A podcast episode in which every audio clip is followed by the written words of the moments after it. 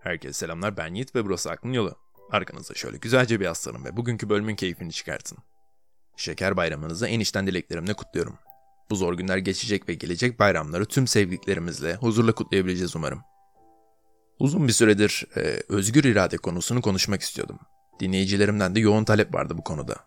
Ama özgür irade konusuna geçmeden konuşmam gereken bir konu olduğunu düşünüyorum. İrade, daha doğrusu iradenin zayıflığı. Bugün bu konu hakkında konuşacağız. Eğer programı seviyor ve ücretsiz bir şekilde destek olmak istiyorsanız bunu nasıl yapabileceğinizi Instagram profilimde paylaştım. Ayrıca Spotify üzerinden takiplerinizi de bekliyorum. Lafı daha fazla uzatmadan bölüme geçelim. Şimdi birkaç tane cümle söyleyeceğim size. Bakalım bunlar mantığınıza uyacak mı? Ali diye bir karakterimiz olsun. Tamamen hayali. Ali bir gün restorana gitti ve lahmacun yerine daha pahalı olmasına rağmen kuşbaşı kaşarlı pide söyledi. Okey. Devam ediyorum. Ali, yemeğin sonunda kendisi için daha sağlıksız olmasına rağmen tatlı sipariş verdi. Harika, afiyet olsun. Ali doğru olan şeyin bu olmadığını bilmesine rağmen restorandan hesap ödemeden kaçtı. Mantıklı geldi mi? Yani bir insan yaptığı şeyi en iyi seçenek olduğunu düşünmemesine rağmen yapar mı? Muhtemelen evet öyle değil mi? Yani birçok insan spor salonuna gitmenin kendisi için en iyi seçenek olduğunu bilmesine rağmen hiçbir zaman gitmiyor. Ben mesela. Veya sigarayı bırakmanın en iyi seçenek olduğunu bilmelerine rağmen asla bırakmıyorlar. Mesela yine ben. Peki o bir şeyin bizim için en iyi seçenek olması ne anlama geliyor? Çoğunlukla yapılması gereken şey o durumdaki en iyi seçenek oluyor zaten. Fakat her zaman bunu yapmıyoruz. İşte buna iradenin zayıflığı deniyor. Bugün bu konu hakkında konuşacağız. İnsanlar bu konu hakkında bayağıdır kafa yoruyor zaten. Platon, iradenin zayıflığının imkansız olduğunu söylemişti. Eğer bir eylemin en iyi seçenek olduğuna karar veriyorsanız onu yapmaya çalışırsınız. Ve eğer en sonunda o eylem dışında bir eylem yaparsanız da ilk baştaki eylemin aslında en iyi seçenek olduğunu düşünmediğiniz anlamına geliyormuş. Ve eski bir Yunan sözüne göre de hiç kimse kendi iradesiyle isteyerek yanlış olanı yapmaz. Mesela sabah uyanıp spor salonuna gitmenin sizin için en iyi seçenek olduğunu düşünmenize rağmen tüm gün evde patateslik yapabiliyorsunuz. İşte Platon'a göre aslında spor salonuna gitmenin sizin için en iyi seçenek olmadığını düşünüyorsunuz demektir. Çünkü eğer öyle olsaydı giderdiniz.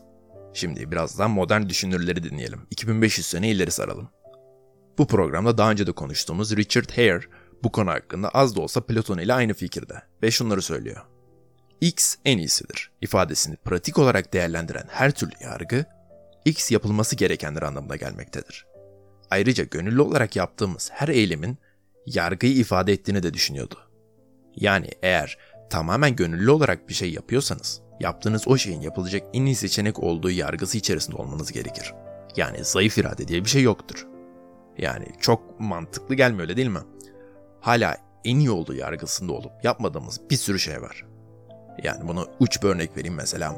Örnek olarak bir şekilde kimyasal bir uyuşturucuya başladınız ve eğer şu an bırakırsanız çok zarar görmeden kurtulabileceğinizi biliyorsunuz. Ama buna rağmen kullanmaya devam edebilirsiniz öyle değil mi? Bu yine gönüllü olarak yaptığımız bir şeydir. Yani sonuçta kimse bunu size zorlamıyordur yani. E, kesinlikle bu eylemin tek sorumlusu yine sizsinizdir ama yine de kullanmaya devam edebilirsiniz. Biraz da daha normal bir örnek vereyim. Mesela öfke veya intikam hırsı hissediyorsunuz ve bu duygularla harekete geçmenin her zaman size kötü etkisi olacağını da biliyorsunuz. Ama yine de gönüllü olarak adamın kapısına dayanıyorsunuz. Richard Hare eğer şu an yaşasaydı muhtemelen şunu derdi. Gerçekten uyuşturucu kullanmanın veya intikam almanın kötü olduğunu düşünmüyorsunuz. Bilincin en içerisinde, en karanlık yerinde yapılacak en iyi hareketin olduğunu biliyorsunuz. O yüzden yapıyorsunuz zaten. Ama eğer bu doğru olsaydı bunu yaptıktan sonra suçluluk duygusu hissetmememiz gerekirdi öyle değil mi?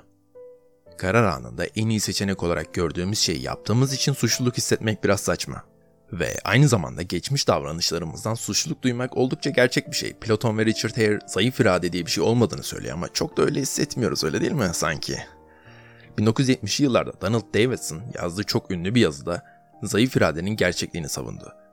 Adam diyor ki, karar anı geldiğinde iki farklı düşünme aşaması karşımıza çıkıyor. Bunlardan ilki değerlendirme aşaması. X, Y veya Z seçenekler arasında X en iyi seçenektir. Ardından karşımıza ikinci aşama çıkıyor, reçete aşaması. Yani X'i yapmalıyım.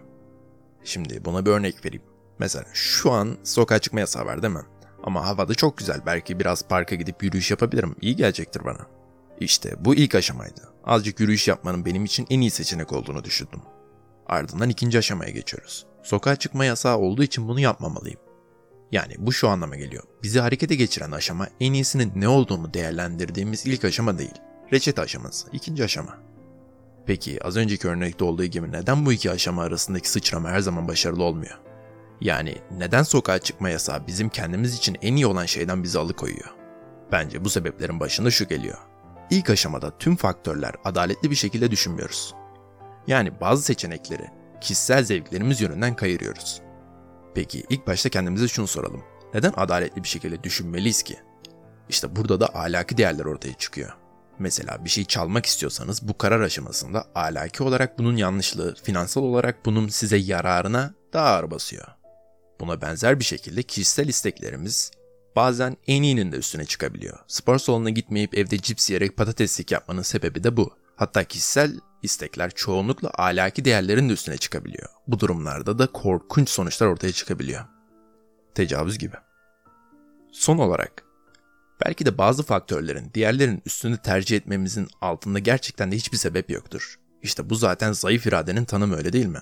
Bir eylemin en iyi olduğunu bilmemize rağmen gidip başka bir şey yapmak. Sebepsiz yere yani. Mesela ilkokulda öğretmenimizin hoşlanmadığı bir şey yaptığımızda neden böyle bir şey yaptın diye size bağırdığında bilmiyorum hocam bir sebebi yok yaptım işte diyoruz. Neyse arkadaşlar bu bölüm biraz kısa olacak çünkü özgür iradeye girmeden önce böyle bir giriş yapmam gerekiyordu. Peki siz ne düşünüyorsunuz çok merak ediyorum. Sizce zayıf irade diye bir şey var mıdır yoksa yok mudur? Instagram DM'den yürüyebilirsiniz.